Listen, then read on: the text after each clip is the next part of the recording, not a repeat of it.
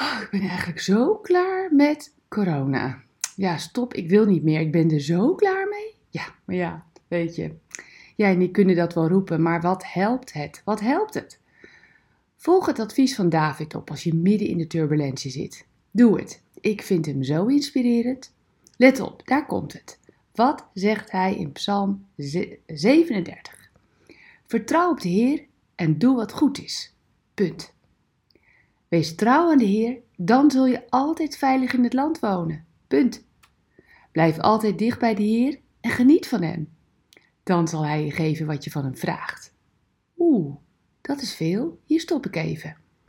Ja, dat heb ik nog niet gemerkt hoor in mijn leven. Doe ik misschien iets fout? Kijk, ik heb een goede vriendin.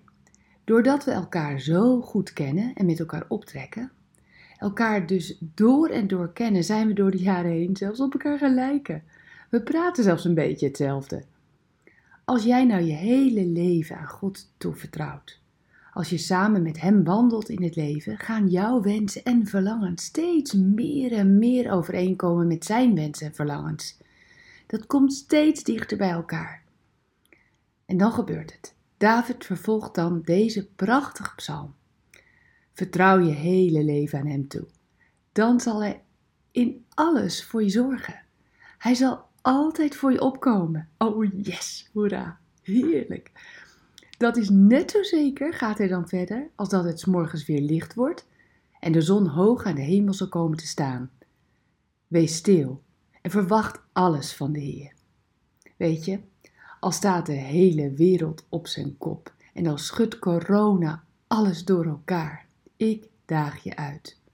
Doe wat je kunt doen, meer niet. Doe wat David in Psalm 37 zegt.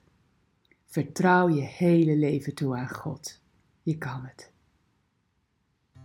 Bedankt voor het luisteren naar Ik Wonder Jou. Hebben de woorden je hart geraakt en de teksten je geïnspireerd? Gun ook anderen Ik Wonder Jou. Meld ze aan bij www.ikwonderjou.nl. Ik ben zo blij dat je bestaat.